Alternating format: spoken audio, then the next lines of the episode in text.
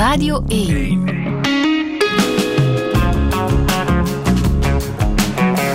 Douche.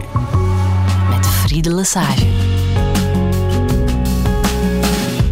Touché vandaag met Rob van Essen. Goedemorgen. Goedemorgen. Al 25 jaar in het schrijversvak en uh, een van de namen op Saint-Amour. Uh, gisteren was het uh, première.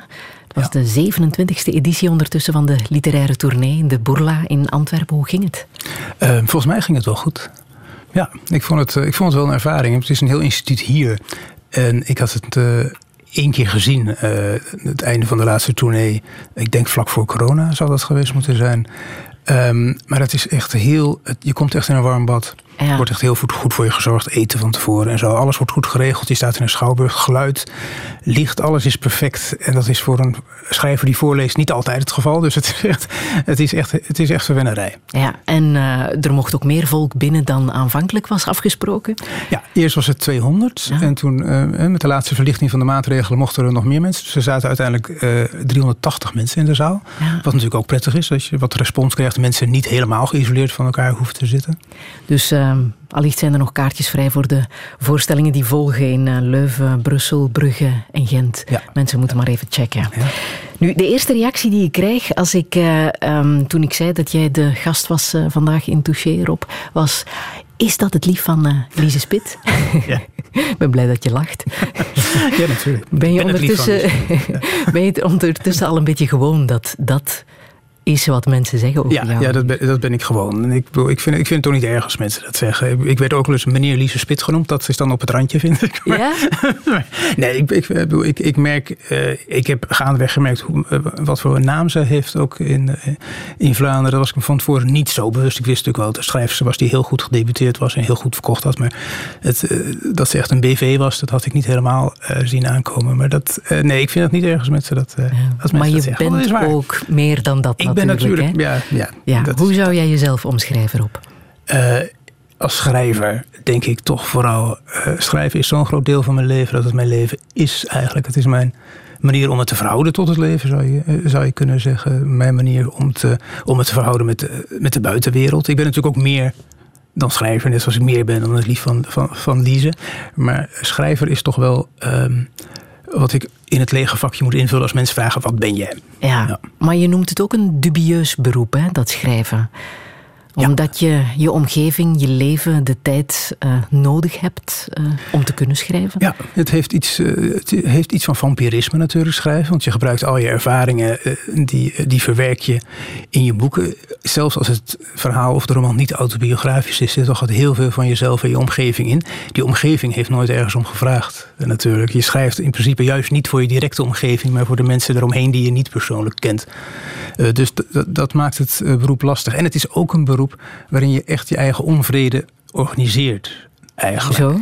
Nee, je schrijft iets, je brengt iets. Als je een uitgever hebt gevonden, wat al een goede stap is natuurlijk, dan breng je iets op de markt waar niet echt specifiek om gevraagd is. Maar je bent pas tevreden als iedereen het gaat lezen, iedereen het goed recenseert, als het nominaties krijgt, als het, als het een prijs krijgt.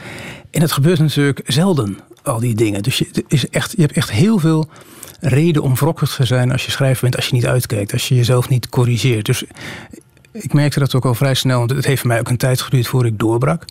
En ik merkte dat aan collega's om mij heen, uh, dat die ook heel wrokkig werden. En toen dacht ik, oh, dan ben ik waarschijnlijk ook zo. En dat moet ik niet worden. Dus toen heb ik mezelf wel gecorrigeerd door het allemaal een beetje Mhm. te relativeren. En toen heb ik echt op een gegeven moment een bordje boven mijn bureau gehangen met de tekst van het, het feit dat ik schrijf verplicht de buitenwereld tot niets omdat je zoveel verwacht van de buitenwereld als je schrijft. Je verwacht die erkenning, je verwacht het succes. Je wil ervan leven. Ja, dat is voor heel weinig schrijvers weggelegd. Dus ja, het heeft alles in zich om, om, om je karakter te misvormen als je niet uitkijkt. Ja, en mag ik dan zeggen dat jij een gelukkige schrijver bent? Ik ben een gelukkige schrijver, ja. ja. Ja, ik heb klinkt ook, ook een beetje contradictorisch natuurlijk als je ja, dat zo benoemt. Ja. kan dat, dat wel? Zwarte sneeuw. kan dat wel, een gelukkige uh, schrijver zijn? Ja. ja. dat kan. En ik hou heel erg van schrijven zelf. Ik hou van het vak, van het schrijven.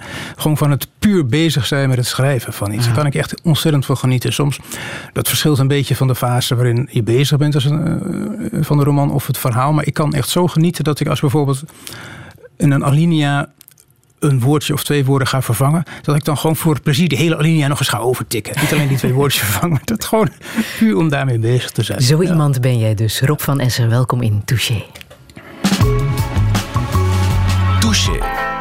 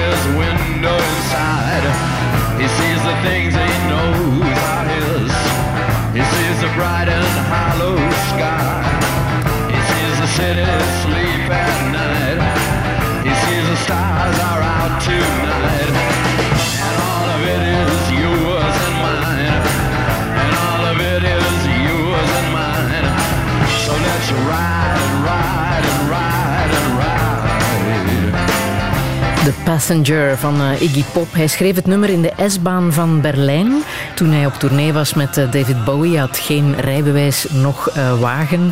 Rob van Essen, waarom wou jij dit nummer laten horen? Heb jij een speciale band? Ja, ik heb ook geen rijbewijs en ook geen auto.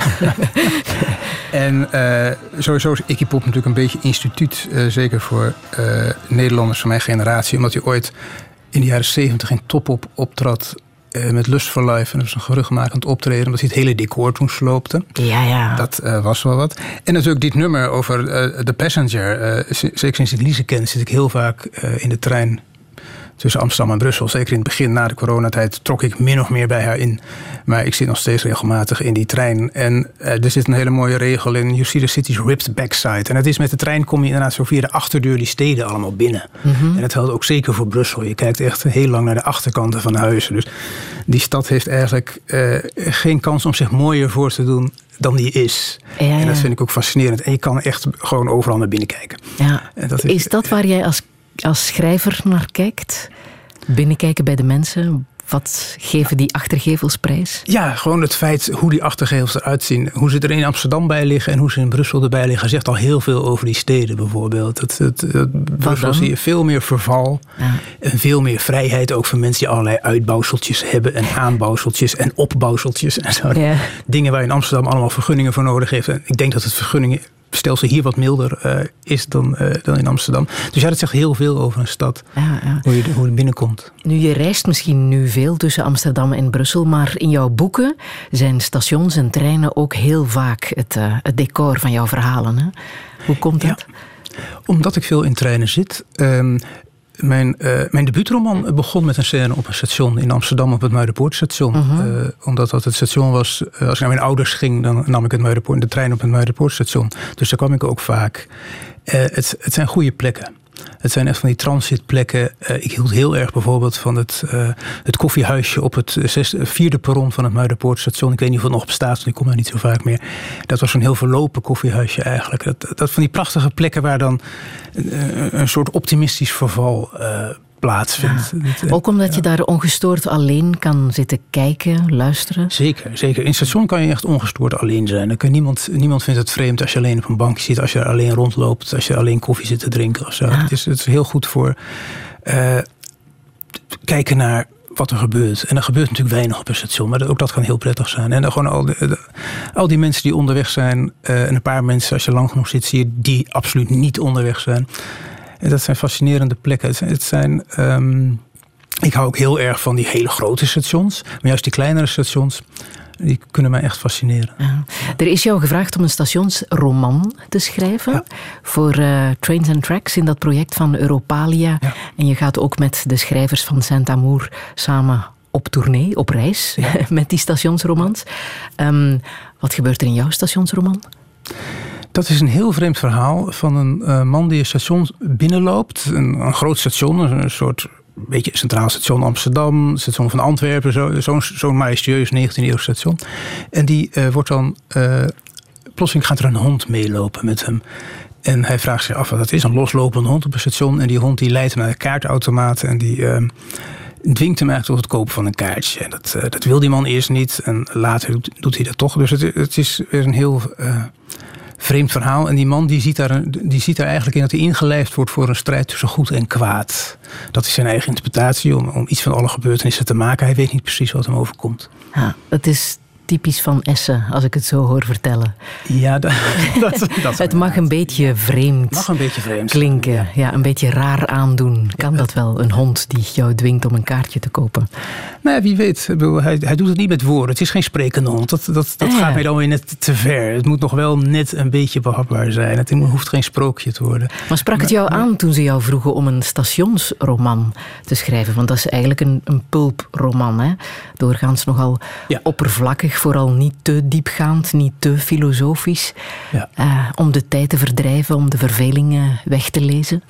Trok jou dat aan? Uh, ja, want ik heb me gewoon uh, niet zozeer van. Niet, heel weinig van die termen aangetrokken. Gewoon het aantal, het aantal woorden heb ik uh, meegekregen. Het is altijd lastig als je een verhaal in opdracht schrijft. Ik zeg altijd ja, want ik vind het altijd fascinerend. Omdat ik zelf ook niet weet wat er uitkomt. En het is altijd een verhaal wat ik zelf anders nooit geschreven zou hebben. Eh, dus dat, dat is fascinerend. Maar het is ook lastig omdat je dan je verhaal in een soort keurslijf moet gieten. Waar het misschien nog helemaal niet klaar voor is. Dus dat, uh, dat is lastig. Ik vond het fascinerend uh, om erover na te denken. En ik heb hem meteen ja gezegd, omdat het, het was een mooi project. En ik hou van stations. Dus ik denk, er moet iets uitkomen. Ja. En ik begin dan meestal maar gewoon te schrijven. En dan kijk ik hoe het verder gaat. Ja. Vaak weet ik dat zelf ook nog niet. Het fragment dat je voorleest op Saint-Amour heeft, denk ik, niet rechtstreeks met treinen en stations nee, te maken. Nee, dat is een heel ander fragment. Dat, uh, dat heeft meer met de liefde te maken, of met lust. Uh, ja? Eigenlijk, ja. dat komt uit een uh, verhaal, uit mijn verhalenbundel. Hier wonen ook mensen. Ja, het gaat ook over um, het nut van literatuur. Uiteindelijk, ja, uiteindelijk is het een scène, het lijkt over seks te gaan, maar het gaat over het nut van literatuur. Uiteraard, ja. ja. en waarom je vooral de Rabbit-cyclus van John Updike moet lezen. Waarom eigenlijk? Deze, de hoofdpersoon, het verhaal, die... Um, die, komt, die belandt in bed met een meisje. Die, en die is uh, wat wereldwijzer dan hij zelf. Hij is wat bleu. En zij stelt, voor om, uh, zij stelt anale seks voor. En uh, hij schrikt daar een beetje van. Maar hij heeft net als student in een blok Amerikaanse herendaagse literatuur. is die Rabbit-cyclus behandeld. En hij herinnert zich een scène over anale seks. Waar uitgebreid beschreven wordt hoe dat voelt. En omdat hij dat zich dat herinnert, durft hij dat aan. Dankzij dus de literatuur. Dat is het, ja, dankzij dat de is het nut ja. natuurlijk hè, van boeken lezen. Ja, je kan een heel groot praktisch nut van hebben. Ja.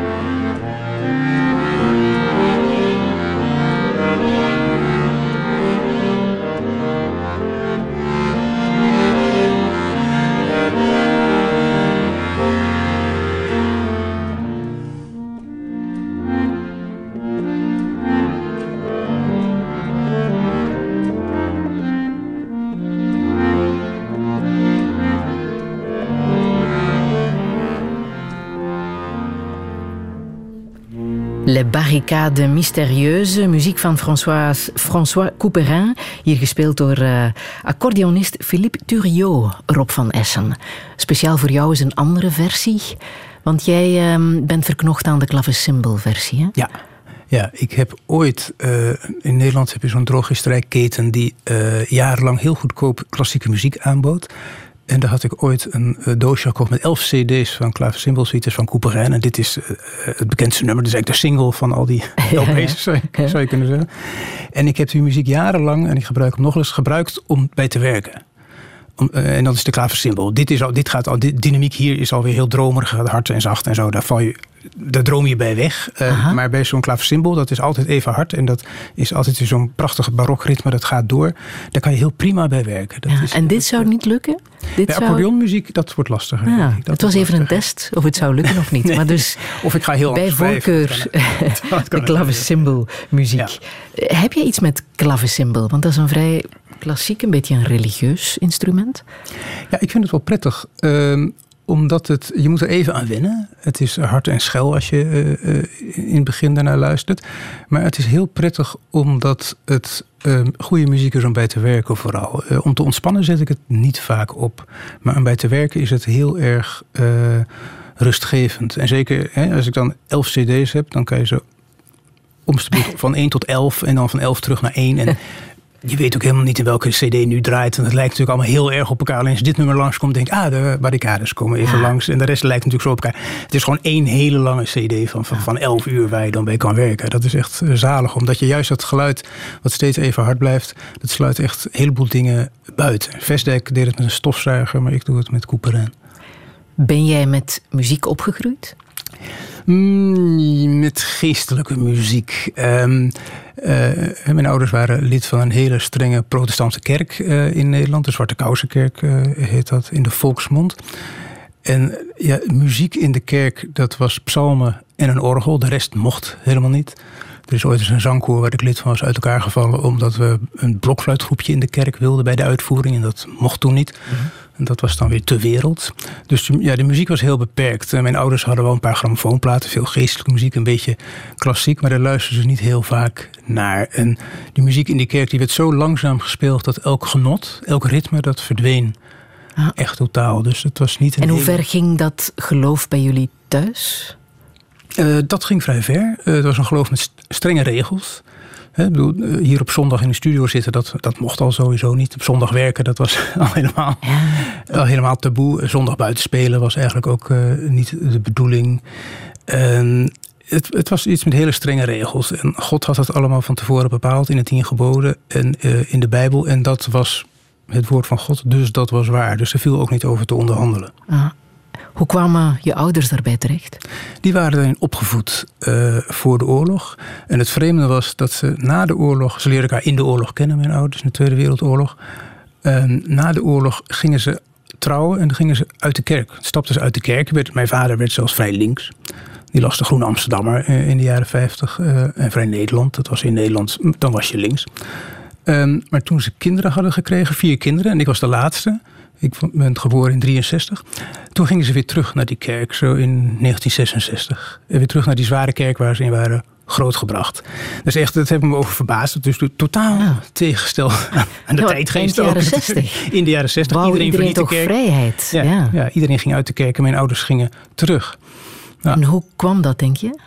Dat hebben ze nooit echt kunnen of willen verklaren. Het is uh, waarschijnlijk gewoon een, een vroege midlife crisis geweest. Uh, de wereld buiten de kerk had ze teleurgesteld, uh, waarschijnlijk. De nestgeur die ze miste, een deel van de familie die ze, die ze miste.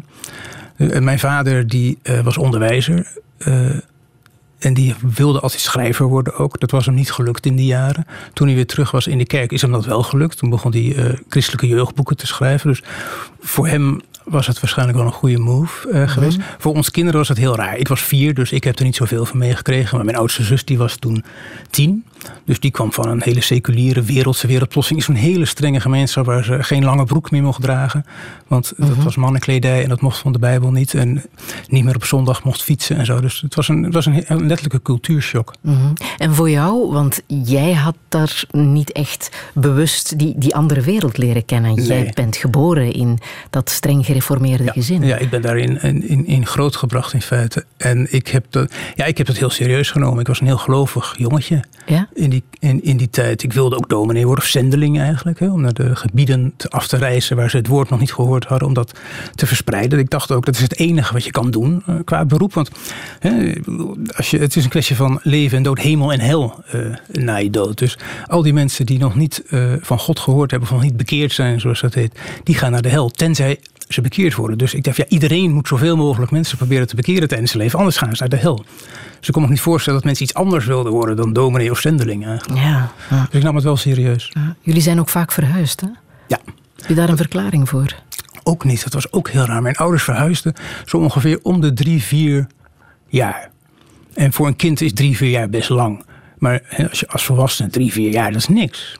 Dan heb je net de dozen van de vorige verhuizing uitgepakt, bij wijze van spreken. Dus het was heel raar. En soms verhuisden ze ook in de gemeente waar ze woonden. Zodat mijn vader die hoefde dan niet van werk te veranderen en wij niet van school, maar ze gingen wel van huis veranderen.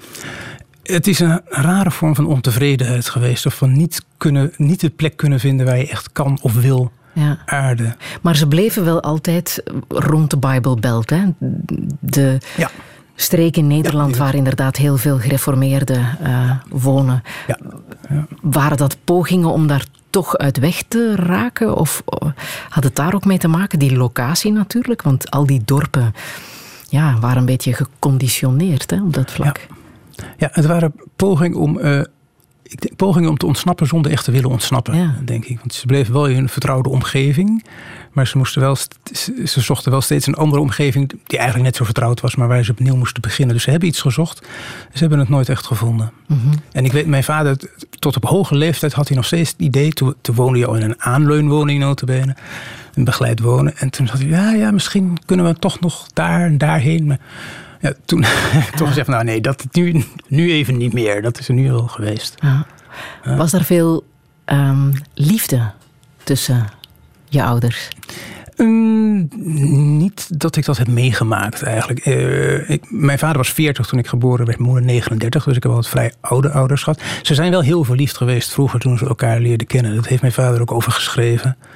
Uh, dat ze uh, in de oorlog op een tandem van Zuid-Holland naar de Veluwe fietsten. Mhm.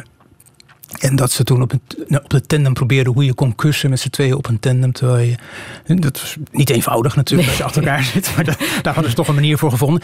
Dus toen ik dat las, dacht ja, nee, ze zijn heel erg verliefd geweest. Vroeger in ieder geval. Maar ik heb daar niet zoveel meer van uh, meegemaakt.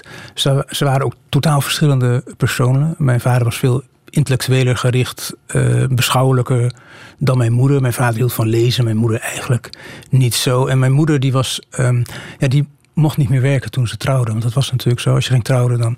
Zeker als, vrouw van de hoofdonderwijzer of zo, daar ging je sowieso niet werken. Maar mijn moeder was altijd wel gelukkig geweest in de winkels waar ze had gewerkt. Ze had ooit op de hoedenafdeling van een warenhuis gewerkt. En dat kon ze nog steeds smakelijk over vertellen, tot op hoge leeftijd. Mhm. Hoe ze dat met de andere meiden, hoe dat ging en zo. Dus ik denk echt, mijn moeder die is echt een beetje geknakt toen ze het huishouden moest doen, vier kinderen moest uh, opvoeden. En dat waren niet echt gebieden waar haar sterkte lag. Of uh, misschien ook niet waar haar interesse lag of zo. Die, die had echt, mijn moeder had echt moeten blijven werken. Dus een van die vrouwen van die generatie uh, die echt een carrière had kunnen maken. Mm Maar ja, dat was niet de gewoonte toen. Waren jullie fysiek met elkaar? Was er veel fysiek contact? Nee, nee, er werd niet echt uh, geknuffeld. Het is, maar het werd gewoon niet uit de weg gegaan. Mijn vader heeft bijvoorbeeld jarenlang, voordat mijn broer en ik gingen slapen, mochten we een rondje op zijn schouders zitten. En dan liep hij zo rond de zolder waar wij sliepen. dus het, het, het, er was wel een, een zekere vertrouwdheid. Tot, op, tot op een bepaalde hoogte.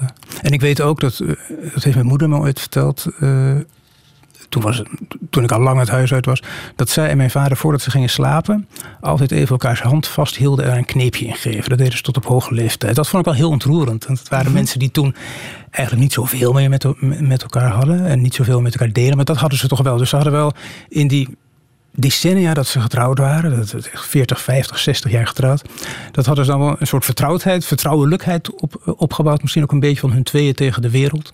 Ah. Dat ontroerde me wel toen ik dat hoorde. Ah.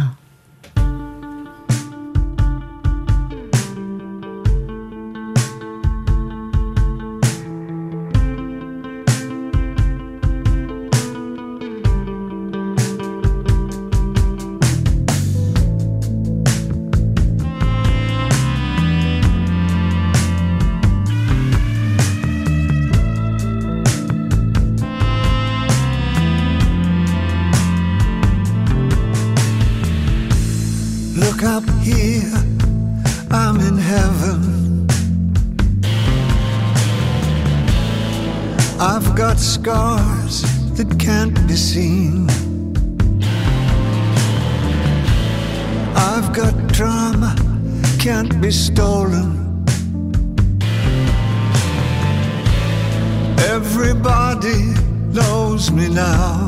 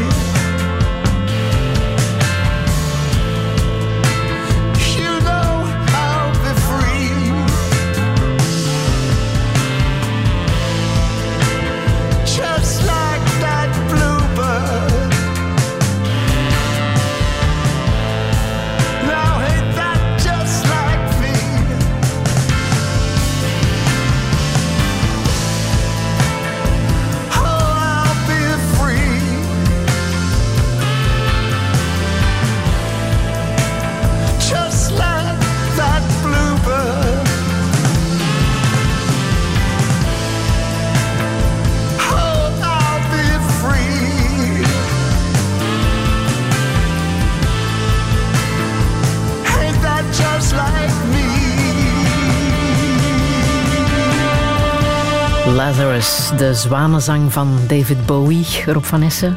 Wil je dit laten horen omwille van David Bowie of omwille van die bijbelse figuur, Lazarus? Ja, omwille van Bowie.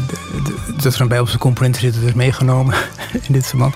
Nee, dat is echt Bowie. Ik, heb, ik kan naar heel veel, heel veel muziek waar ik vroeger uh, als adolescent naar luisterde, kan ik niet meer naar luisteren.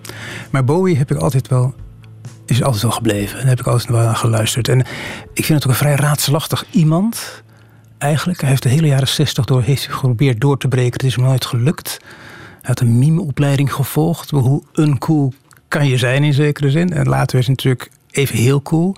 Hij zal altijd blijven vernieuwen tot het op een gegeven moment voorbij was. Ik heb, er komt een gedichtenbundel van mij uit uh, later dit jaar. Dat is de eerste gedichtenbundel uh, van mij. En dan heb ik ook een gedicht aan uh, Bowie gewijd. Mm Ik, vind, omdat, ja, ik, vind hem, ik heb hem nooit helemaal begrepen. En hij heeft ook hele slechte platen gemaakt. Maar op al die slechte platen staan dan wel één wereldnummer. Alsof hij wilde bewijzen, ik kan het nog wel. Ik heb er nu even geen tijd om, om een tien te maken. Maar deze wel. Ja. En de manier waarop hij zijn afscheid heeft uh, geregisseerd. Hè, en wat ook te zien is in die videoclip hè, van, van Lazarus. Ja, de, de, uh, ik heb er nog even teruggekeken laatst. Ik kreeg er nog steeds rillingen van. En zeker, zijn dood kwam totaal onverwacht. Uh, zo niet zo oud. 72, nog zoiets, ik weet het niet. Dat was nog niet, in 69 dacht ik. 69. Ja. ja, dus het, ik, dat was echt een schok. En toen, toen, deze clip, toen ik deze clip zag, waar hij inderdaad gewoon zijn eigen dood naspeelt. Mm. Bijna in tekst en in beeld. En zich ook niet mooier maakt dan die is. Je ziet echt de oude David Bowie. Dat, dat, is, heel, dat is ontroerend en schokkend nog steeds, mm. vind ik. Maar dat beeld, Lazarus, uh, de man die uh, uit zijn eigen dood uh, opstijgt, is misschien iets dat bij jou ook wel speelt, hè? Als je bijvoorbeeld in Minneapolis dat beeld creëert van de jongen in de tram die zijn eigen moeder ziet, die eigenlijk al vier jaar geleden is gestorven. Een vrouw met een paarse muts. Um, is dat een beeld dat jou ook intrigeert? Heb je dat zelf ook? Dat je is, je ouders terugziet in andere ja, mensen? Ja, uh, dit beeld is eigenlijk volkomen autobiografisch. Ja? Ik zat uh, in Brussel eind 2018 in, in uh, schrijversresidentie Passaporta voor zes weken. En toen uh, zat ik in tram 81 en toen zag ik mijn moeder daar zitten. En die was toen een paar jaar geleden overleden. Maar het was echt sprekend mijn moeder. Eh, wel heel slecht aangekleed. Dus ik dacht, ja, dat, dat is raar. Mijn moeder kleedde ze altijd vrij zorgvuldig. Maar dit was echt alsof ze in een tweedehandswinkel hadden aangekleed. En ze keek zagrijnig om zich heen. Maar dacht, het, het, het, verder was het sprekend mijn moeder. Dus het was een hele rare ervaring. Dus uh, ik heb er toen een stukje van gemaakt dat ik op het blog wat ik toen bijhield heb gepubliceerd. En dat is eigenlijk uh, min of meer onveranderd het eerste hoofdstuk van eh, Minneapolis geworden. Waar ik wel de personages heb veranderd. Maar ook iemand ziet zijn moeder in de tram die al dood is. Nou, hoe heb je afscheid genomen van jouw moeder? Heel langzaam eigenlijk. Want mijn moeder die, uh, die dementeerde. Uh, en die heeft het heel lang volgehouden. Ik ben op een gegeven moment, mijn ouders woonden in Huizen, dat is buiten Amsterdam. Ik woon in Amsterdam. En ik, op een gegeven moment ging ik er elke woensdagmiddag naartoe. Eerst een, een, half uurtje met de trein, dan een kwartier met de bus. Op een gegeven moment maakte ik van die busrit, die bus sloeg ik over, ging ik van het station wandelen door bos en hei uh, naar Bussum. Dat was echt een soort ritueel. Uh, maar ik had niet gedacht dat mijn moeder dat 15 jaar, nog 15 jaar zou blijven leven. Dus ik heb het 15 jaar gedaan uh, ongeveer. En um, zij dementeerde heel langzaam, uh, deemsterde ze een beetje weg. En zij werd steeds aardiger. En niet vrolijker, maar wel schuldelozer en zorgelozer. Zij kon zich, ze was altijd bang geweest voor de dood. Maar het, dat was verdwenen. Die angst was verdwenen. Die hele redenatiemogelijkheid om daar bang voor te zijn, was blijkbaar weg. Dus zij zat jarenlang als een soort glimlachende kleine magere boeddha in een hoekje van die, van die zaal van dat centrum. Terwijl om haar heen zag ik mensen steeds slechter worden en angstiger en banger en agressiever. Maar zij werd eigenlijk steeds liever. Ik kon gewoon haar hand vasthouden. En het was lastig, want ik had, dat was niet, juist niet lastig, want ik had een hele lastige relatie met mijn moeder in de jaren daarvoor. Want in het begin, uh, nadat mijn vader was overleden, was hij vrij veel eisend. En ik kwam maar één keer in de week langs en deed ik boodschappen. En het was heel triest, want ze was altijd heel verdrietig als ik wegging. Ook weer. Dus ik dacht ook, ja, als ik niet kom, heeft ze dit verdriet niet. Dus wat, voor wie doe ik dit uh, eigenlijk? Dat heb ik in de goede zoon, de goede zoon over geschreven. En ze was heel veel eisend. Als ik dan boodschappen ging doen, dan was het niet goed. Of ze belde me op terwijl ik in de winkel stond. Weet je wat je ook nog moet hebben? Ik, op een gegeven moment werd ik er helemaal uh, gek van. Dus dat was heel lastig. Maar hoe meer ze dementeerde, hoe aardiger ze eigenlijk werd en hoe zorgelozer. Dus ik ging er ook met steeds meer, steeds meer plezier heen. En ik heb dus woordeloos afscheid van haar genomen eigenlijk. Omdat ze op een gegeven moment gewoon niet meer sprak. En gewoon, uh, ik kon plaatjes kijken en haar hand vasthouden. En dat was vrij vredig. Mhm. Heeft zij veel invloed gehad op jouw geluk als jonge man, denk je? Um, ja, ik denk dat mijn ouders allebei wel invloed op hebben gehad op de manier waarop ze me hebben opgevoed of niet hebben opgevoed. Eigenlijk, ze deden niet zoveel uh aan de opvoeding. Um, daar heb ik me pas later, uh, zoals dat gaat, over verbaasd. Ze hadden vier kinderen, maar daar hebben ze zich nooit zo heel erg veel mee bezig gehouden. Je hebt de, de school niet afgemaakt, hè? Ik heb bijvoorbeeld mijn school niet afgemaakt, mijn middelbare school. Dat was toen makkelijker dan nu, maar uh, ik merkte, jij kan er gewoon afgaan en dan zonder diploma. En dan, uh, ja, dan zie ik wel. Ik wilde toen kunstacademie gaan doen. En ik kende voorbeelden van mensen die zonder diploma op die opleiding waren toegelaten. Ik wilde kunstenaar worden of wat dan ook. Maar ik wilde van die school af. Dat was een, maar dat, dat hebben ze ook maar gewoon toegelaten eigenlijk. Ze waren het er niet mee eens. En mijn moeder was er ook verdrietig om. Maar ze hadden niet de macht over mij om, dat, uh, om die discussie aan te gaan ook. Nou, wist je wat je wou toen je 18 nou, was? niet echt. Ik had al die vage ideeën die ik net opnoemde. Maar het was gewoon, het was gewoon een kwestie van angst, denk mhm. ik. Gewoon angst voor het leven. Niet weten uh, wat ik verder moest. Of hoe het leven eruit zag. Ik heb jarenlang eigenlijk gedacht dat het leven vooral voor anderen was. Die de weg beter kenden dan ik. En jij dan? Um, ja, ik bedoel, ik, mij hadden ze niets verteld of zo. Weet je, ik wist niet waar. De, ik heb dat ja, pas jaren later, toen ik in, uh, in, Amsterdam woonde, ik woon officieel nog steeds, maar niet meer zoveel als, als vroeger, fiets ik heel vaak langs de Amstel. En na een dag werken, even om vier uur s middags, langs de Amstel fietsen de stad uit. En op een gegeven moment zag ik daar dat er een pontje was aangelegd. Uh, van ter hoogte van Café Het Kalfje naar de overkant. En toen dacht ik, hé, hey, dat is een handig, een pontje. Maar toen dacht ik, en dat verbaasde mezelf meteen... ah nee, dat is niet voor mij, daar moet je vast ergens lid voor zijn. Wat natuurlijk onzin was. Ja, ja, ja. Maar toen dacht ik, ah ja, nee, dit heb ik mijn hele leven gedacht. Je moet ergens lid van zijn en ik ben er geen lid van. Ja. Ik ben geen abonnee. Ik, ik, ik, ik, heb de bon niet uitgeknipt en ingezonden, want ik wist niet dat die bon bestond. Zo heb ik dus heel lang mijn leven geleid. En wel altijd geschreven, maar dat is iets wat je natuurlijk in je eentje kan doen daar heb je niemand voor nodig. Daar, hoef je geen lid van nee, een schrijversbond te Daar hoef je alleen maar lid van jezelf te zijn. Maar je werkte wel. Ik werkte, ik was periodisch werkloos. Uh, ik, werkte, ik heb lang, lang gewerkt uh, als barkeeper in een jeugdherberg. Uitzendbaantjes gedaan. Weer werkloos geworden. Met samen van die, van die, rommel, van die rommelbaantjes eigenlijk. Waar weinig toekomst in zat. Je hebt jezelf ook uh, het kind van de verzorgingsstaat genoemd. Hè? Daar heb je ook over geschreven. Ja. Heb je je daar schuldig over gevoeld? Dat je kon leven van een uitkering van de staat? Achteraf wel. Toen niet zo, uh, moet ik je zeggen. Want omdat je dat heel makkelijk uh, kon uh, verhullen onder maatschappijkritiek. En dit is toch niet mijn wereld, dit is niet mijn maatschappij, die is verkeerd ingericht. maar dat is natuurlijk allemaal vluchtgedrag. En achteraf denk je, ja nee, dat, dat, dat vluchtgedrag was te makkelijk. Dat was net zoals toen ik in Amsterdam kwam wonen, dat alle mensen die een beetje met links sympathiseerden en met de kraakbeweging en zo, die reden gratis op de tram. Die stempelden, niet af, stempelden hun kaartje niet af. Omdat het openbaar vervoer toch eigenlijk gratis zou moeten zijn. Ja, dit was natuurlijk niet de manier om, om dat dichterbij te brengen. Integendeel. Uh, behalve dat het voor jezelf meteen gratis was. Dus ja, allemaal van dat soort redenaties eh, waar ik nu met lichte verbazing uh, op terugkijk. Ik van, nee, dit was eigenlijk ook allemaal een, een soort angst. Of de, de angst om je te, niet om je te conformeren, maar de angst om, om de confrontatie met de wereld aan te gaan. Ah. Op, een, op een manier waar zowel de wereld als jij iets aan heeft. Ah. Maar ik wist ook niet hoe dat moest. Ik had eigenlijk geen idee. Maar hoe ben je daar dan uitgeraakt? Hoe ben je het wel te weten gekomen?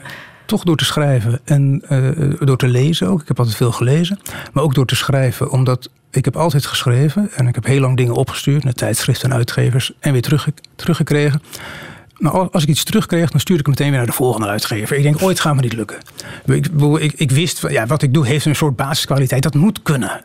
En dat is uiteindelijk ook gelukt. En toen het gelukt was, toen... Um, ja, ik zou bijna zeggen, opende zich een andere wereld. Maar de wereld opende zich op een andere manier voor mij. Want toen kwam ik dus ook mensen tegen die goed vonden wat ik deed. Wat ook prettig is natuurlijk, die erkenning. En mensen die met hetzelfde bezig waren als wat ik deed, die dezelfde interesses hadden.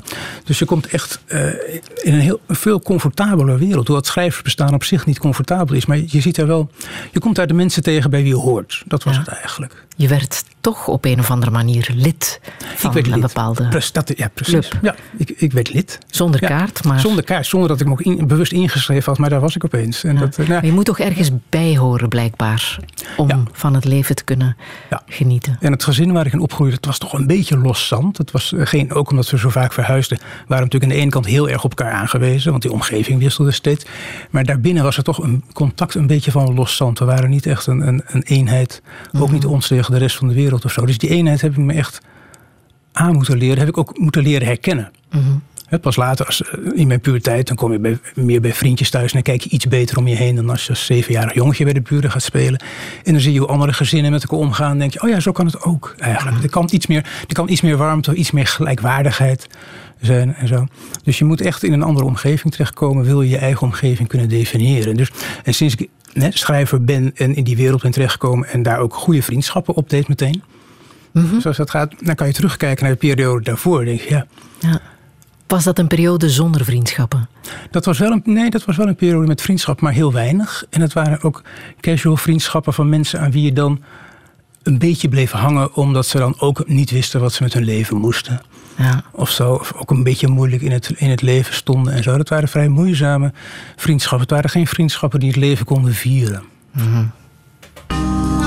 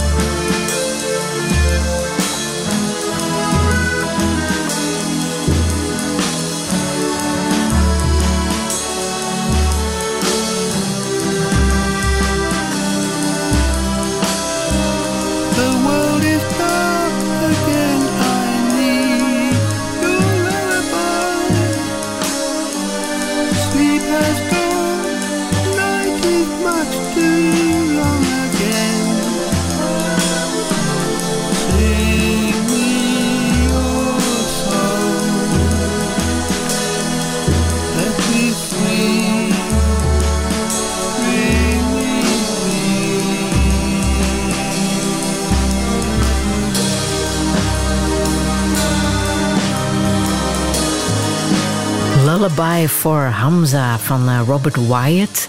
Rob van Essen, prachtig nummer is dit, hè? Hoe heb je dit ontdekt? Ja, het is geweldig. Dit nummer heb ik ooit gehoord um, s'avonds laat op Clara.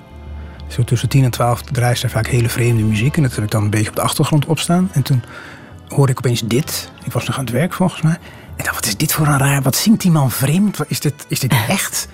Maar als je naar luistert, denk je, ja nee, dit is echt een heel serieus nummer. En dit is echt heel mooi gezongen. Als je, dit, ik vond het echt fascinerend. En de naam zei mij niets. Hij zat in de jaren zeventig in Soft Machine en zo, die hele prog mhm. rock scene. Dat, dat, um, dus dat zei me niet zoveel. Maar toen ben ik me in gaan verdiepen. Ik heb die CD, andere CD's gekocht, deze CD. Ja, het is echt geweldige muziek. En hij maakt dat eigenlijk in zijn, in zijn huis, in zijn huisstudio, samen met zijn vrouw uh, vaak. Want hij is ooit dronken uit een raam gevallen uh, in de jaren zeventig. En sindsdien zit hij in een rolstoel. En hij, maakt, hij maakte, want hij maakt nu geen muziek meer, geloof ik. Hij maakte de ene vreemde CD na de andere. En dat is allemaal heel fascinerend. Ja. Wat brengt jou tot rust? Dit soort muziek brengt mij tot rust. Um, omdat dit, hier zit iets heel. Um, het is een soort. Uh, een melancholische hypnose die hij, die hij doet. Je zit echt helemaal in zijn wereld uh, als je die CD, uh, CD's opzet. Dus dit kan mij tot rust brengen. Ja. Jij mediteert ook, hè? Te weinig, dat is, dat, is, dat sowieso. Maar ik, ik, probeer het, ik probeer het vol te houden. Ja, en ik heb, um, ik heb ooit in Amsterdam, ik denk een jaar of uh, zes, zeven geleden, twee meditatiecursussen uh, gevolgd. Voor beginners en voor gevorderden. Ja. En um, sindsdien probeer ik het thuis ook uh, te doen. En ook ook buitenshuis op een geheime manier zou ik bijna zeggen. Ook als je in de trein zit of als ik door Brussel loop, dan ga ik bijvoorbeeld vaak in die dat kleine kathedraal bij de Zavel uh, ga ik naar binnen mhm. en dan ga ik daar een tijdje zitten. En dat, prachtige plek. Een hele prachtige Zeker om te mediteren. Ja, dat is gewoon op zo'n stoel zitten en dan gewoon naar het licht kijken dat het op die muren valt of door die ramen naar binnen valt. Dat is ook heel meditatief. Dus ik probeer dat, het is een soort uh, mindset die ik me eigen probeert te maken. Het blijft eigenlijk altijd een, een, een soort strijd. Want het is natuurlijk heel tegenstrijdig om te gaan zitten met het idee om niet zozeer te ontspannen, maar om niet, geen aandacht te besteden aan je gedachten. Juist dan komen die gedachten natuurlijk allemaal massaal uh, omhoog. En dan moet je ze allemaal zo weg, wegswipen, eigenlijk. Uh, Alsof het wolken zijn. Dus dat blijft een. een uh, het blijft soms een strijd. Maar zoals mijn eerste meditatieleraar ook zei, het gaat er niet om wat je voelt tijdens de meditatie, maar om wat je buiten die meditatie voelt. De rest van de dag, daar gaat het eigenlijk om. Ah, ah. Je hebt er ook een boek over gelezen, hè? Meditations? Ja, Meditations van Marcus Aurelius, dat gaat niet zozeer over meditatie, dat zijn gewoon over pijnzingen van de oude Romeinse keizer.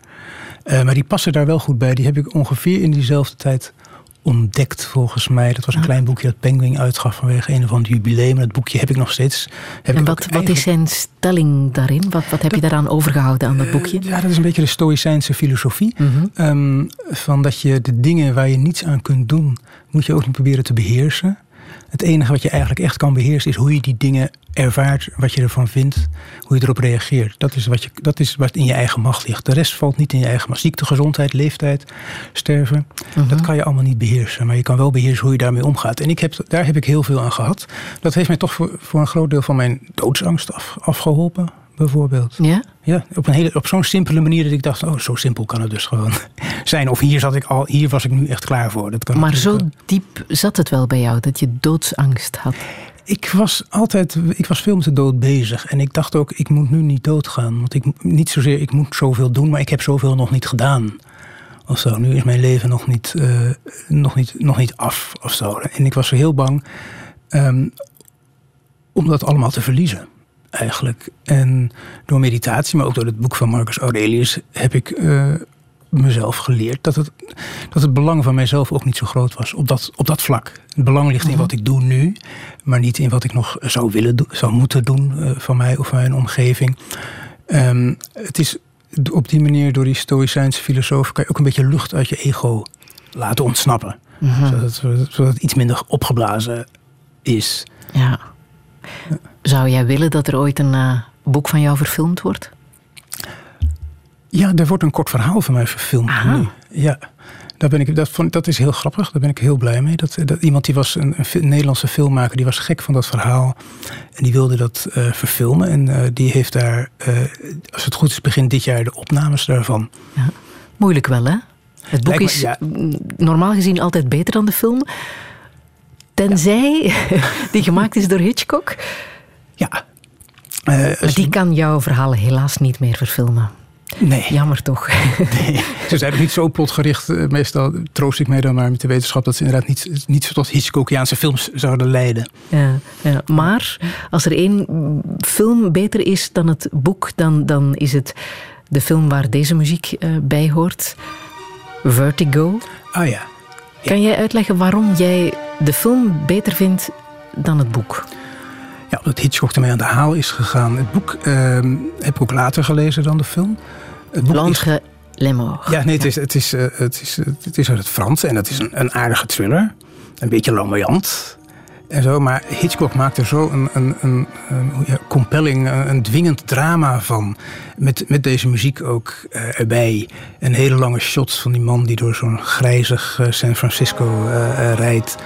En hij probeert dan eh, zijn eh, de vriendin die kwijt is geraakt, probeert hij dan eh, terug te zien in een, nieuw, in een andere vrouw. Die probeert Ja. hij dan om te kneden tot die Een vriendin. beeld waar we het al over hebben gehad. Iemand terugzien in iemand anders. ja. Wordt gezien als eh, de beste film aller tijden. Hè? Ja, op sommige lijstjes staat hij op één. Sommige andere lijstjes staat dan Citizen Kane, maar ik vind deze eigenlijk beter dan Citizen Kane. Ja, oké.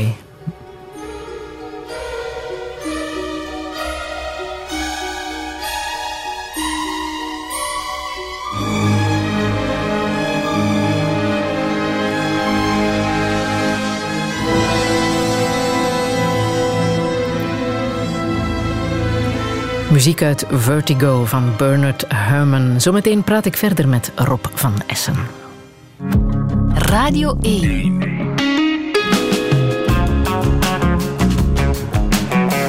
Touché. Met Friede Lesage. Touché met auteur Rob van Essen. Hij omschrijft zichzelf als mens met een partner en vrienden. Zijn jonge leven bracht hij door in een streng gereformeerd gezin, wat van hem een kwezelachtig jongetje maakte. Hij kreeg te kampen met levensangst. Schrijven werd zijn redding en dat doet hij nu al 25 jaar. Maar hoe moet het verder? Waarom moeten we meer klassiekers lezen? En hoe is het om de verloofde wederhelft te zijn van Lise Spit? Dit is Touché met Rob van Essen. Goedemiddag.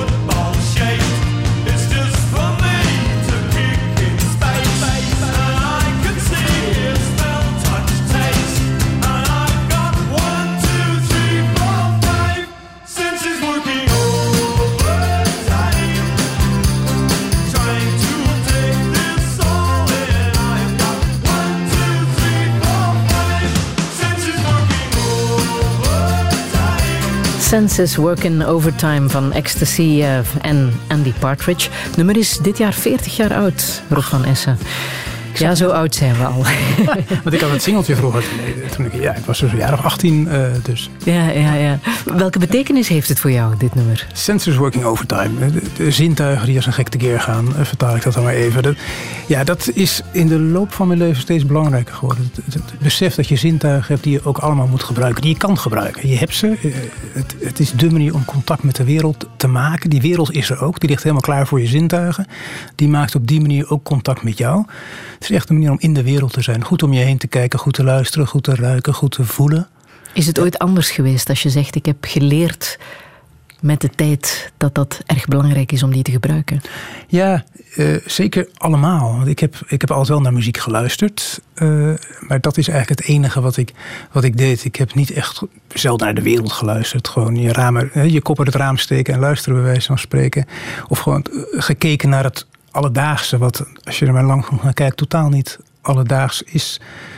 Daar gaat een, daar gaat een hoop optimisme van alles uit dan als ik. eh, als ik naar, gewoon naar de wereld kijk. En er is ook van alles mis met de wereld. Dat is, dat is het punt niet. Maar die zintuigen, die hebben. Die, ja, ik vind, het wel een, ik vind het wel vijf kleine wonderen die we dan met ons meedragen. Die, Ja. die we gewoon hebben. En het is ook heel goed om naar buiten gericht te zijn.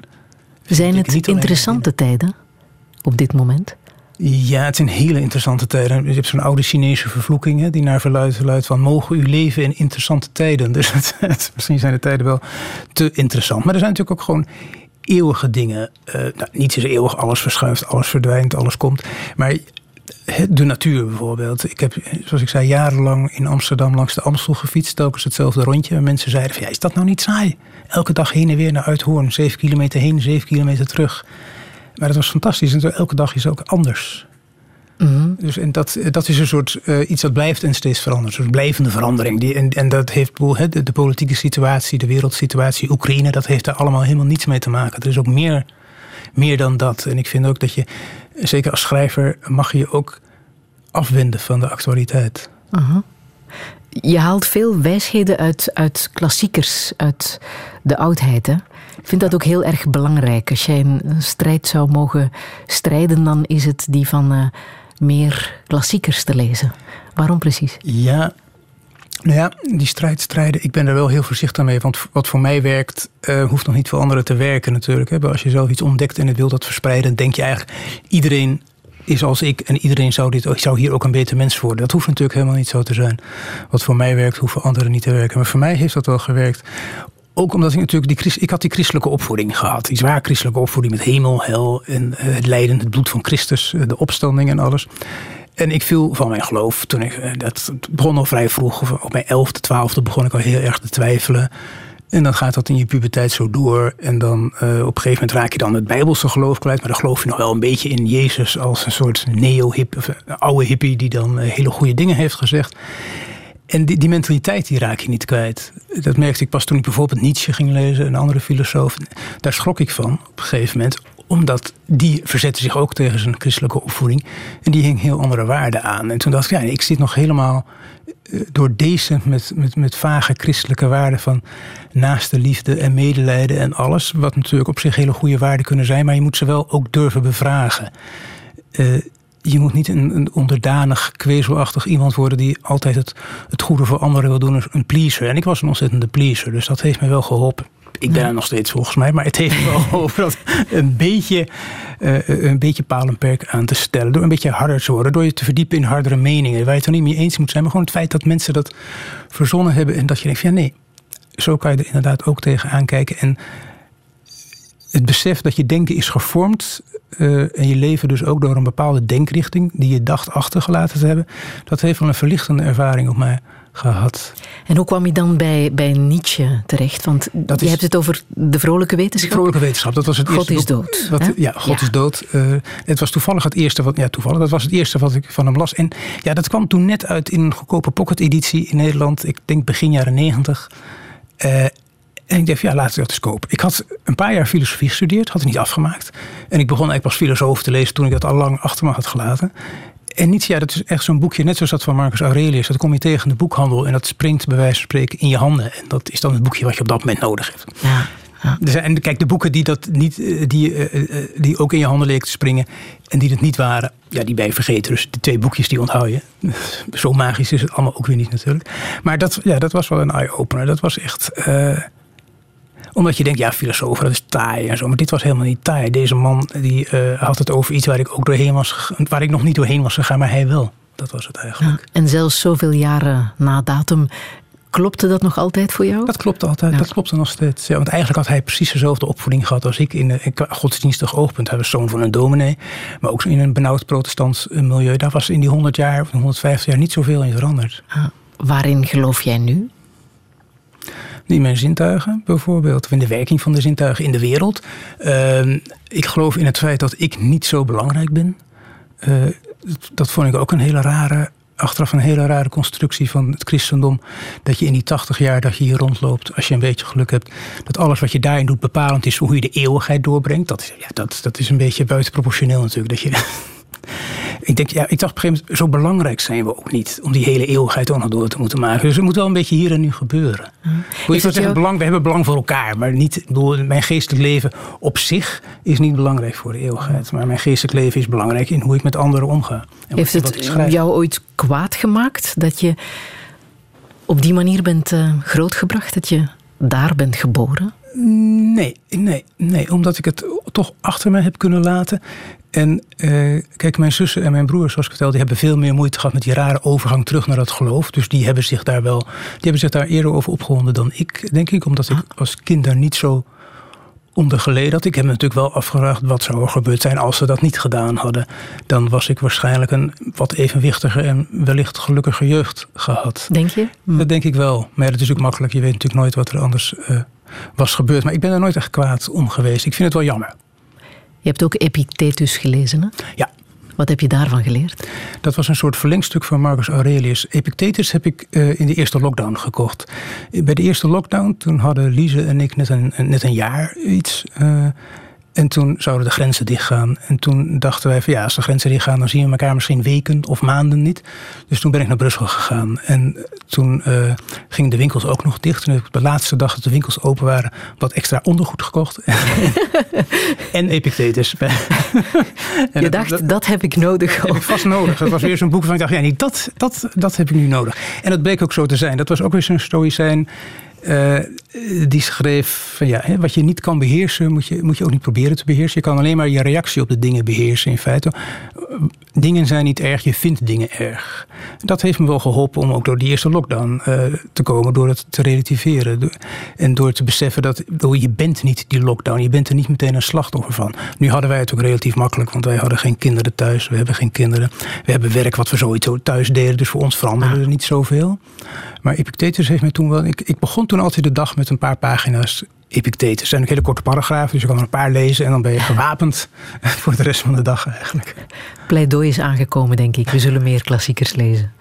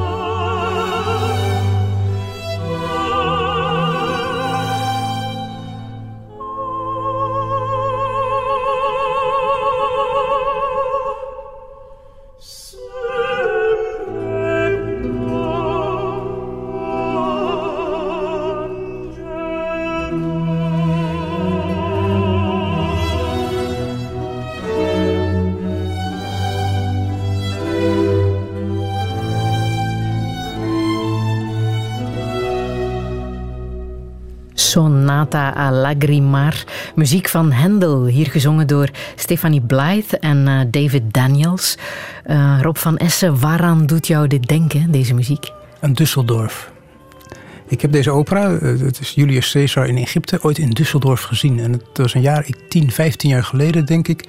Toen nam ik de trein naar Düsseldorf, een stedentripje. Dat dwong ik mezelf toe. Ik had reisangst in die tijd. Maar ik dacht, nee, ik moet, toch, ik, moet, ik moet toch weg. Ik moet dit kunnen. Toen heb ik in eentje de trein naar Düsseldorf genomen, een hotel genomen.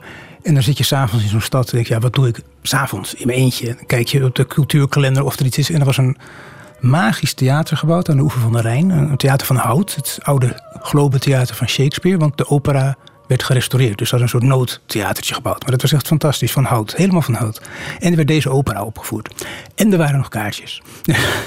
dus dat was echt een fantastische avond. Het is echt briljante muziek. En er was ook een inleiding vooraf door een muzikologe. En ik dacht, ja, inleiding vooraf, dat is om het laagdrempelig te maken. Dat is het soort cultureel snobisme wilde ik me daar aan onttrekken. Maar ik stond toevallig met mijn kopje koffie daar en begon die inleiding. En die vrouw die zei iets heel waardevols.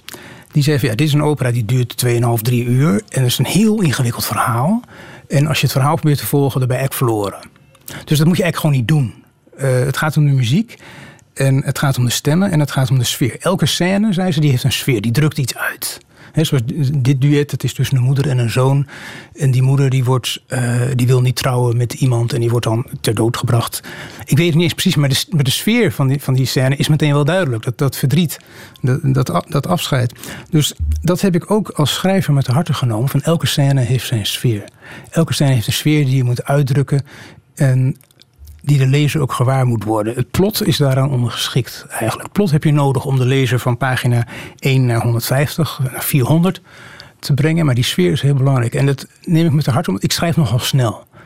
Dus ik heb de neiging om, die scènes bijna af te raffelen. Dus nee, nee, nee. Elke scène staat op zich. Elke scène moet op zich iets uitdrukken. Een stemming, een kleur desnoods. Je kan een scène letterlijk een kleur geven. Dus daar heb ik veel van geleerd, van die, van die uh, al te laagdrempelige, zoals ik vreesde, inleiding op, Ja. op die opera. En toen moest die opera zelf nog komen. Dus dat was een hele mooie avond. Je hebt ook heel veel geleerd van eh, Lawrence Stern, auteur van eh, The Life and Opinions of eh, Tristram eh, Shandy. Ja. Wat heb je daar dan uit eh, opgepikt? Dat was weer zo'n boek wat ik toevallig in handen kreeg, omdat er een goedkope uitgave van was. Ik, was toen, ik had een uitkering, ik was arm, dus ik kocht alle goedkope Penguin herdrukken en, en, eh, die er toen uitkwamen. Dat was een boek eh, wat mij ontzettend verraste. Dat kwam uit de 18e eeuw. Dus de roman was nog nauwelijks eh, gangbaar in, in Europa, nauwelijks uitgevonden. En deze man begon al te spotten met alle conventies van de roman. Eh, die begon aan een verhaal en vier, vijf delen verder zijn, is het verhaal nog steeds niet begonnen. Hij zal het verhaal van zijn geboorte vertellen. Hij wordt maar niet geboren. En hij, hij wijdt uit over allerlei familiegeschiedenissen. En hij heeft op een gegeven moment, dan gaat er iemand dood en is de volgende bladzijde is gewoon zwart. Allemaal van die grapjes waar je denkt, ja, dit is ontzettend postmodern. Behalve dat het uit de 18e eeuw komt. Ah. Ik dacht, ja, als het toen al, toen de roman nog zo vers was, als toen al iemand speelde met, met de vorm, ja, dan kan alles eigenlijk. En ik zag het later ook toen ik Don Quixote las. Dat is ook een roman, nog een eeuw eerder. Die, eh, Cervantes speelt ook ontzettend met de vorm. En dat doe ik zelf ook graag. En dat heeft me ge- geïnspireerd. Ja, dat, dat, dat, eigenlijk is dat heel eigen aan de roman. Want toen de roman ontstond gebeurde het al. Dus het, het is helemaal geen postmodernisme, postmoderne spielerij... waar ik ook wel eens van beschuldigd ben. Nee, het is, het is gewoon de roman in zijn, in zijn beste vorm misschien wel. Dus ik heb daar, behalve dat het een ontzettend grappig boek is ook. Dat is ook, dat is ook een boek waar, waar ik eh, hardop van in de lach kan schieten. En dat gebeurt mij heel zelden als ik lees. Dus ja, ik heb heel veel van dat boek geleerd. Je zei het daarnet al, het heeft lang geduurd voor je echt ehm, iets kon publiceren. Je hebt heel lang manuscripten gestuurd naar uitgevers en teruggekregen, die je dan vervolgens nog eens naar een andere uitgever hebt eh, eh, gestuurd. Ehm, tien jaar lang heb je dat gedaan, zoiets? Ik denk ja, ik denk van, Ja. van midden jaren 80 tot uh, midden jaren 90. Omdat je ook afweek van de schrijversnorm, omdat je inderdaad wel ja, absurdistische verhalen schrijft. En Het was toch nog niet zo, het was niet zo absurdistisch nog. Ehm, dat is er pas eigenlijk later ingekomen toen Huh? ik meer durfde. Het Toen je al die wel wijze humor- lessen had geleerd. humoristisch. En dat Ja? heeft misschien wel mensen afgeschrikt. Ja. Humor vind ik nog steeds een beetje een soort ongevarieerd stiefkindje, stiefkindje in de Nederlandse literatuur. En ik, ja, er, komt veel binnen bij zo'n uitgeverij. En dit sprong er toen niet uit. Tot iemand het uit de slushpaal eh, haalde bij Thomas Rap in Amsterdam. En die wilde wel iets uitgeven. En dat was wel een glorieus moment. Maar ik heb dat. ehm, ja, ik weet, ik kreeg ook nog halverwege die periode een, een, een mailtje. een- Geen mailtje natuurlijk, een brief terug van een uitgever. Ja, ik vind het erg leuk, ik zou het graag uitgeven. Maar eh, ja, helaas ontbreken mij de middelen. Dat, ik dacht toen dat het een smoesje was. En toen sloeg ik een dag later de krant open. En toen las ik dat zijn uitgeverij failliet was. Dus dat was geen smoesje geweest. Maar dat, Dat is de waarheid. dus dat, ja, je, je mist ook dingen omdat gewoon andere externe factoren meespelen. Ja, maar dan mocht je eindelijk publiceren en de eerste vraag die werd gesteld was, kan jij ehm, je naam veranderen? Jouw naam was blijkbaar niet goed Nee, nee, genoeg. Rob van Essen, hm, dat klinkt Ja. niet. Hè, Terwijl Gerard Reven ooit heeft gezegd dat een goede schrijversnaam uit vier lettergrepen bestaat. Dus ik denk van ja, dat is... Nee, Thomas Rap, de oude Thomas Rap, die toen nog zijn eigen uitgeverij leidde, die vond Rob van Essen vond hij geen goede schrijversnaam. Waarom, dat heeft hij nou duidelijk kunnen maken. Maar hij zei van nee, het moet eh, PP van Essen zijn. Het lag niet aan jouw familienaam. Het lag niet aan mijn familie, het lag blijkbaar aan mijn voornaam.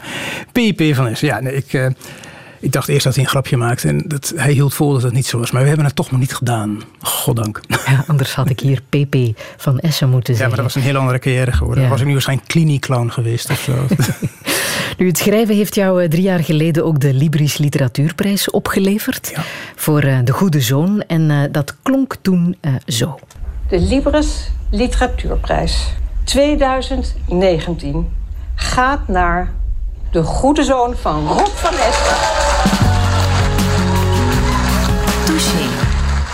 De hoofdredacteur, jouw hoofdredacteur Sander Blom, hield het niet droog. Rob, hoe nee. kwam dat? Omdat hij zijn weddenschap was verloren? ook waarschijnlijk. Dat, eh, hij, hij- we hadden gewet om een tatoeage. Eigenlijk. Hij had gezegd van als hij het boek eh, een prijs wint, dan eh, laat ik een tatoeage zetten. En dat was een tatoeage oorspronkelijk van de diamanten schedel van Damien Hirst, die in het boek een rol speelt. En toen heb ik gezegd, nee, hij, nee, als het op de shortlist zou komen, zou hij een tatoeage laten zetten. Dus die weddenschap was ik kwijt. En ik zei, van als ik, als ik hem win, dan doe ik hem ook. Dus we hebben uiteindelijk allebei een tatoeage laten zetten. Je hebt het echt gedaan. We hebben het echt gedaan. Niet, niet die schedel van Hearst. Want Nee? dat was volgens. We zijn toen in Brussel naar een, een, een tattoo shop gegaan. En zei die schedel, zei die man, nee, dat is te ingewikkeld. Want we wilden op onze bovenarm hebben. Hij zei, nee, die schedel, dat, dat moet op de rug. Al die details, dat kan ik niet op een arm. Dus dat, nou oké, rug, dat gaat ver. En dan moesten we nog terugkomen. Zo. Dus toen hebben we een diamant, één diamant. eh, allebei een, een tatoeage van een diamant. Dat hebben we inderdaad laten zetten. Maar omwille van een prijs, daar kan je niet echt spijt van krijgen. Nee, nee, ik, nee. nee. Ik kijk er nog steeds met trots naar, moet ik zeggen.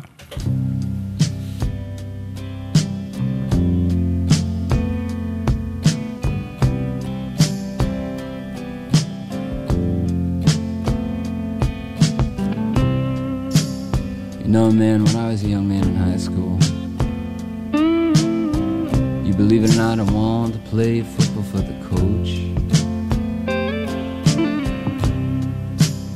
And all those older guys, they said that he was mean and cruel, but you know, I want to play football for the coach.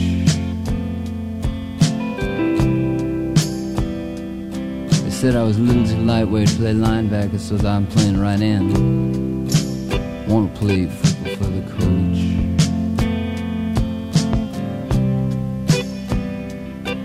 Cause you know someday, man, you gotta stand up straight unless you're gonna fall. Then you're going to die.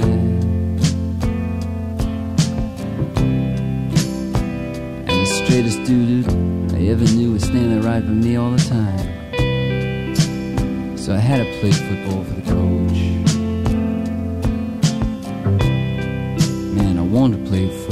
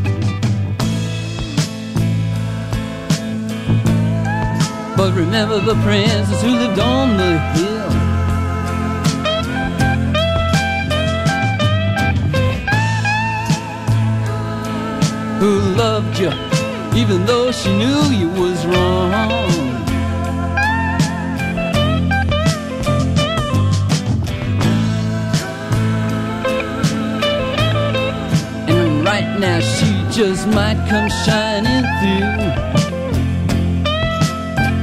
And the glory of love.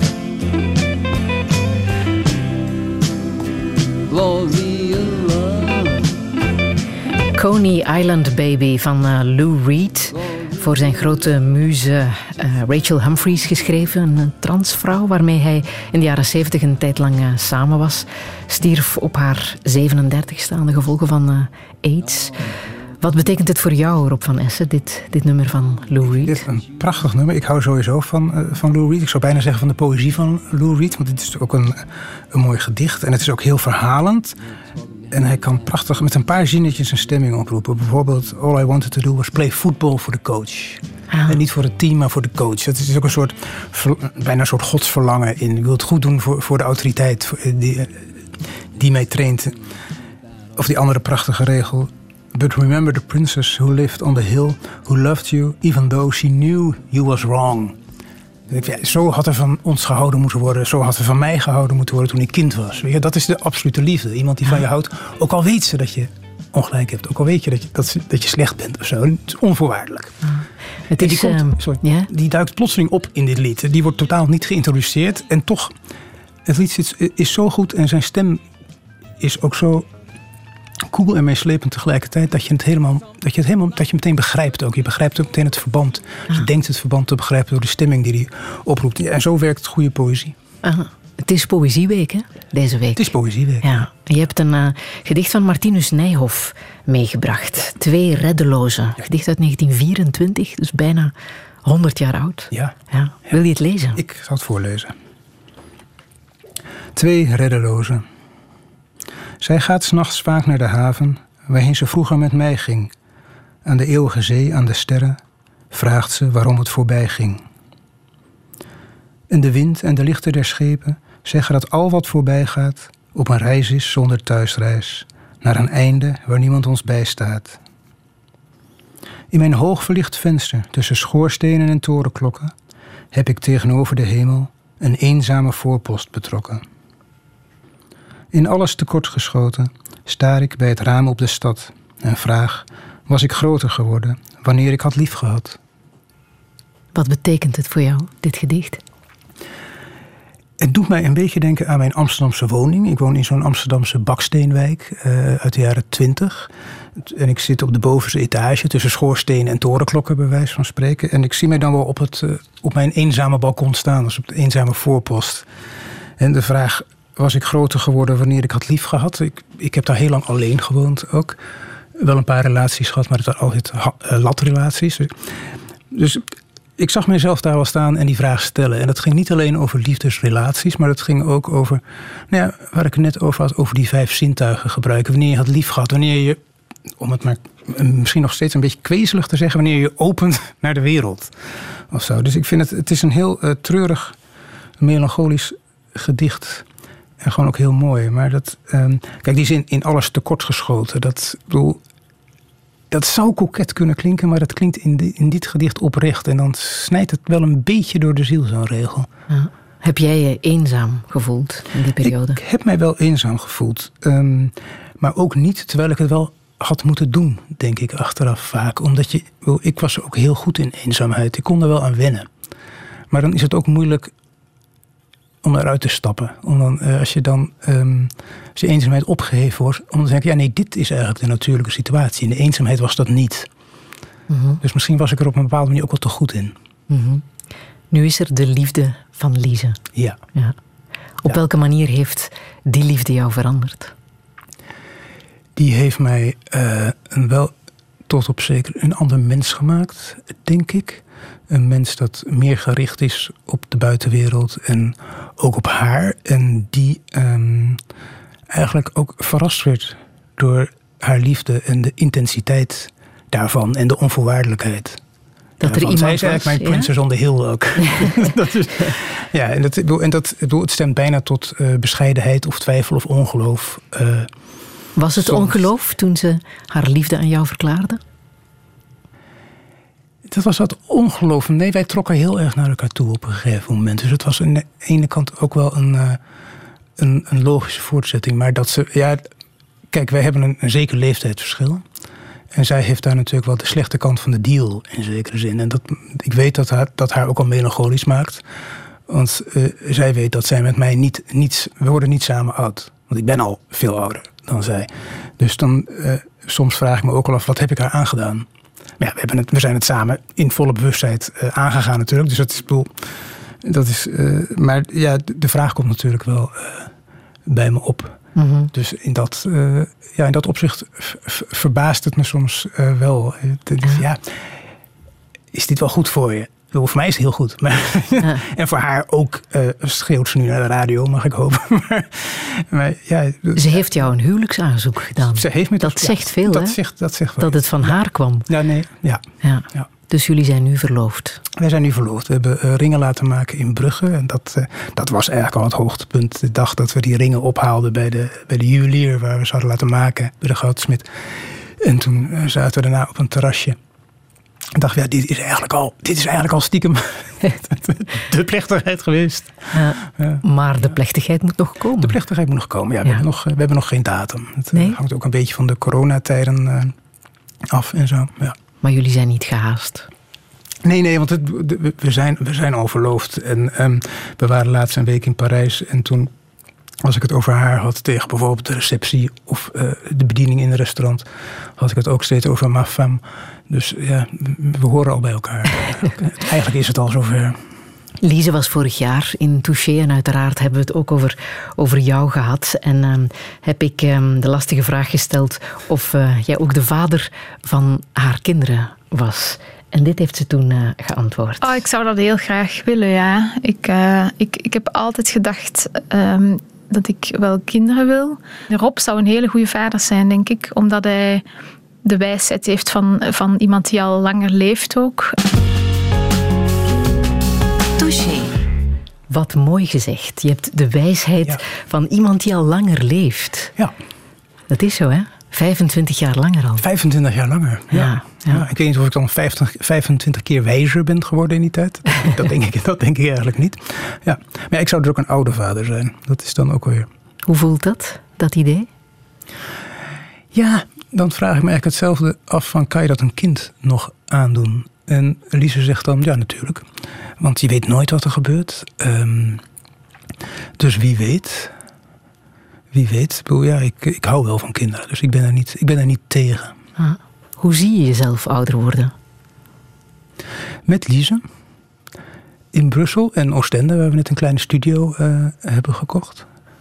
Eh, ja, eh, met kinderen of niet, daar zijn we nog niet, daar zijn we nog niet helemaal uit. En dan doorschrijven. Ik ben, eh, er komt een gedichtenbundel, ik ben met een roman bezig. Dus dat is nog niet opgedroogd. Ik was daar wel even bang voor op een gegeven moment dat je dan klaar was. Zo, dat je dan echt totaal in herhaling gaat vervallen. En dat je dan alleen nog maar schrijft omdat je denkt dat je nog steeds schrijver bent. Je bereidt haar af en toe voor hè, op hoe jij er gaat uitzien als je ouder bent. Met eh, maskers en grijze wenkbrauwen. Ja, dat ze dan niet schrikt. eh, ja. Ja. maar hoe doe je het echt? Ehm, elkaar voorbereiden op hoe zo'n leven kan lopen. ja, dat weet je eigenlijk niet. Je kan, het, ehm, je kan het nu zo goed mogelijk proberen te doen en zo, en, en zo, en zo mooi mogelijk proberen te maken. En dan eh, hopen dat het zo doorgaat.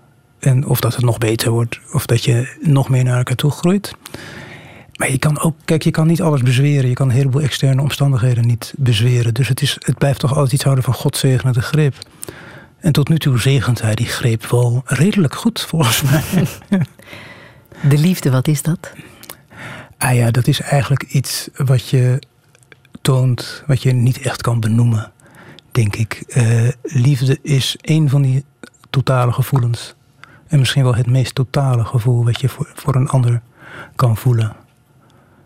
En dat is dat je de ander zowel wilt. Ja, het is, heeft niets te maken met bezit, het heeft te maken met. ehm, dat je de ander. Je zou bijna zeggen dat je de ander wil eren. Of dat je de ander. ehm, ook niet. Je wil, ja, je wil, je wil niet. ehm, ja, hoe zeg je dat? Het is moeilijk. Het is Ja. heel moeilijk om te definiëren. Zelfs voor een met- schrijver. zelfs voor een schrijver, ja. Boeken, eh, boeken over ongeluk gaan ook beter dan boeken over geluk. Hè. Dat schrijft, Ja. schrijft zich ook veel makkelijker. Dat blijkt maar weer. Mhm. Is, Maar het het- ook, eh, is het ook samen Rummy Cup spelen? Ja, het toont zich, ja, liefde toont zich vaak in hele kleine, hele, gewoon in, in, hele, in tradities die ontstaan. Zoals samen Rummy Cup spelen aan het eind eh, van de, van de werkdag. Ja, maar dat is het Ja. ook, hè? kijken wat jullie goed samen kunnen. Ja. ja, liefde is inderdaad iets wat. Het is iets met z'n twee. Of, het, is niet iets, het is niet iets wat je, wat je alleen hebt en wat je op de ander projecteert en waarvan je dan hoopt dat het terugkrijgt. Liefde is iets wat, wat ontstaat tussen, tussen twee mensen. En dan is het iets wat je. Iets, het is letterlijk iets wat je deelt. En wat kunnen jullie goed samen? We kunnen samen goed rummy cubben. ja, tenzij de, het, we vinden het allebei heel vervelend. Als, wij, eh, als ik heel vaak achter elkaar win, dan begin ik het vervelend te vinden. We spelen niet echt voor de blinde winst. het is echt voor, voor, het, voor het spel zelf. Dat kunnen wij, dat kunnen we goed. We kunnen goed, ja, we kunnen goed samenwonen. Want eigenlijk eh, is dat begonnen eh, bij de eerste lockdown. Toen ik naar Brussel ging, omdat ik bang was dat de grenzen dicht zouden gaan. En anders had het veel langer geduurd. Dan waren we gewoon heen en weer blijven pendelen tussen een weekje Amsterdam, een maandje Brussel, een maandje Amsterdam. En nu zijn we samen gewoond. En ik had van mijn leven nog niet samen gewoond. En dat ging heel goed. Dus we kunnen goed, we kunnen goed samenwonen. We kunnen goed door de stad wandelen. We kunnen goed op reis gaan. Ja, en samen kijken. En samen kijken. Ja. Your day breaks, your mind aches. You find that all kindness linger on when she no longer needs you. She wakes up, she makes up, she takes her time and doesn't feel she has to hurry. She no longer needs you. And in her eyes, you see nothing. No sign of love behind the tears cried for no one. A love that should have lasted years. You want her, you need her, and yet you don't believe her when she says her love is dead. You think she needs you.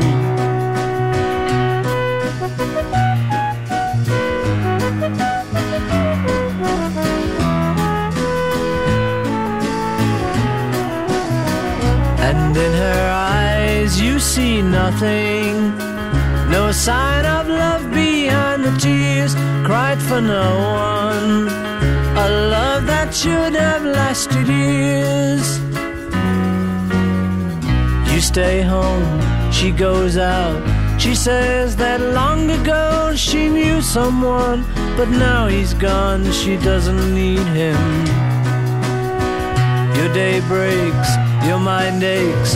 There will be times when all the things she said will fill your head. You won't forget her, and in her eyes you see nothing. No sign of love behind the tears cried for no one. A love that should have lasted years. The Beatles, For No One. Rob van Essen, welke betekenis heeft dit lied voor jou? De Beatles is ook altijd een liefde van mij gebleven. Net zoals Bowie en Lou Reed. Dus eigenlijk zijn er wel een paar die ik nog kan beluisteren. Eh, als, eh, als puber al. En ik luister daar nog steeds heel graag naar. En dit vind ik echt een van de mooiste nummers. Ook omdat er zo'n hele mooie hoornsolo in zit.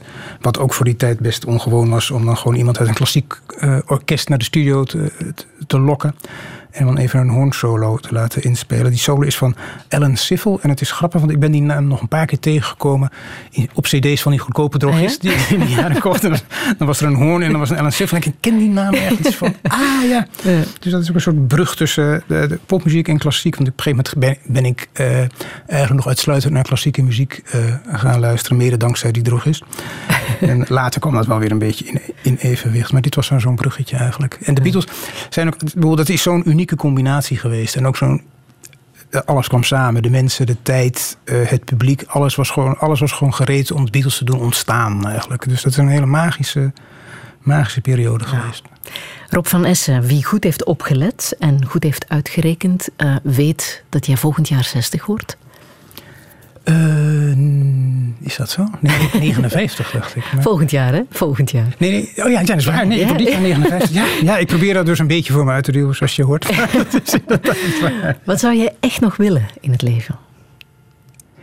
Ik zou ehm, hiermee door willen gaan, wat ik nu heb. Eh, ik zou de, de roman die ik nu aan het schrijven ben af willen maken. Ik ben er pas mee begonnen en ik zit nu in een moment waarop ik denk: ah ja, dit kan wat worden. Omdat ik zonder schema's werk, dan begin ik met wilde ideeën die ze dan een beetje samenvoegen. En als ik dan op een gegeven moment door de stad loop en dan krijg ik spontaan ideeën van hoe dingen samen konden, kunnen vallen en zo, dan denk ik: ah ja, nee, nu zit ik in het goede stadium. En in dat stadium ben ik altijd bereid om mijn eh, ziel aan de duivel te verkopen als hij zou garanderen van je hebt nog een paar jaar om in ieder geval om dit boek af te maken. Dat, dus daar, dat zou ik dan heel graag eh, willen afmaken. En ik denk eigenlijk ook schrijven is ook een vorm van verslaving. Als je dan begonnen bent, dan, bedoel, het ergste wat mij nu zou kunnen overkomen is als, ik- als ik nu een writers blok kreeg en daar niet verder mee kan, dan heb ik dat bestand op de computer staan wat niet, eh, wat niet voltooid eh, raakt. En de schrijver dat- gaat ook niet met pensioen natuurlijk, hè? Nee, hoewel sommige schrijvers zou je het natuurlijk aan kunnen raden. Maar nee, je schrij- schrijver ben je voor je leven. Want het, eigenlijk, ja, het is natuurlijk eh, niet zozeer een beroep als ook een state of mind geworden. Dus ik kan me niet voorstellen dat ik ooit niet zou schrijven. En als ik niet zou schrijven, zou ik daar weer over gaan schrijven. Dat, dat is het eigenlijk. Nou, welke boodschap zou jij hier nog willen meegeven? Oh, ik heb heel weinig. Hoe ouder ik word, hoe minder boodschappen ik heb. En ik denk ook dat eh, we met veel minder meningen toe kunnen dan we denken, eh, eh, vaak. Dus eh, de, de enige boodschap is om die zintuigen te blijven gebruiken, denk ik. Goed om je heen te kijken, te voelen, te ruiken. Mhm. En kan je- te daar kan je zien wat verandert? Om te zien wat verandert, want alles verandert. En daar, moet je, daar, heb ik me ook aan, heb ik ook aan moeten wennen. Om te accepteren dat alles verandert. Zoals bijvoorbeeld de wereld waarin je je beroepsmatig beweegt. De schrijverswereld eh, verandert ontzettend. En sommige mensen hebben daar ontzettende moeite mee. Mensen van mijn generatie die opgegroeid zijn in de jaren 70 en 80. Dat ze de gouden jaren van de literatuur zijn geweest. Qua verkoop en qua belangstelling, qua boekenbijlagen. Die wereld bestaat niet meer. Maar daar moet je ook geen heimwee naar hebben. Je moet, je moet er toch van uitgaan dat die wereld alles verandert. En dan moet je toch op een bepaalde manier blijmoedig accepteren. Je hebt eigenlijk geen keus dan dat. Anders word je verbitterde oude schrijver voor je tijd. En dat wil ik in ieder geval niet worden. Ja, dat is ook een beetje jouw levensmotto, hè? Aanvaarden wat verandert. Ja. Ja, dat is echt, ik vind het echt steeds belangrijker hoe ouder je wordt. Omdat je, hoe ouder je wordt, ben je ook steeds meer bereid om alles wat je kent te behouden en het nieuwe een beetje af te wijzen. Maar dan mis je heel veel. Ja. Maar eerst moet je nog die ehm Saint-Amour-tournee afwerken. Zeker. Ja, ga je voorlezen. En eh, dat gebeurt ook met, eh, met eh, prachtige muziek. Hè? Muziek van Dijf Sanders, multi-instrumentalist. die je gisteren voor het eerst ook aan het werk hebt. Ja, dat was heel bijzonder. Dat was heel bijzonder. Heel bijzondere muziek. Heel sferische muziek. waar je hele trage filmbeelden bij gaat verzinnen. Het is ook mooi om het, te zien, om het hem te zien doen. Achter zo'n zo'n klein jaren 60 orgeltje volgens mij. Die hij elektronisch met allerlei knoppen heeft uitgebreid. En dan een gitaar die ook elektronisch bewerkt is. Het wel heel bijzonder. Ik ben blij dat ik dat in ieder geval nog vier, vijf keer ga zien. Ja.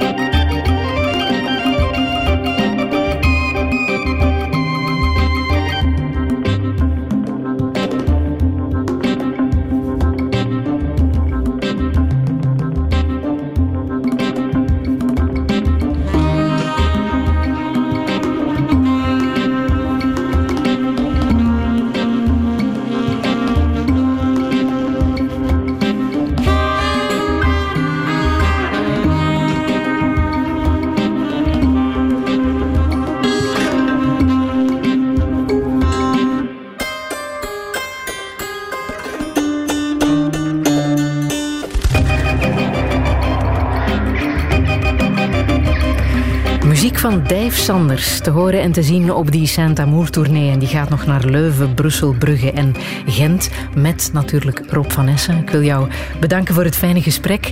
Alle info staat na te lezen op radio1.be. We houden je boodschap in gedachten. Goed kijken en geen zorgen maken dat eh, alles verandert. Volgende zondag komt muzikant Frank van der Linden vertellen wat hem raakt in het leven. Herbeluister Touché via de podcast, de Radio 1-app en radio1.be.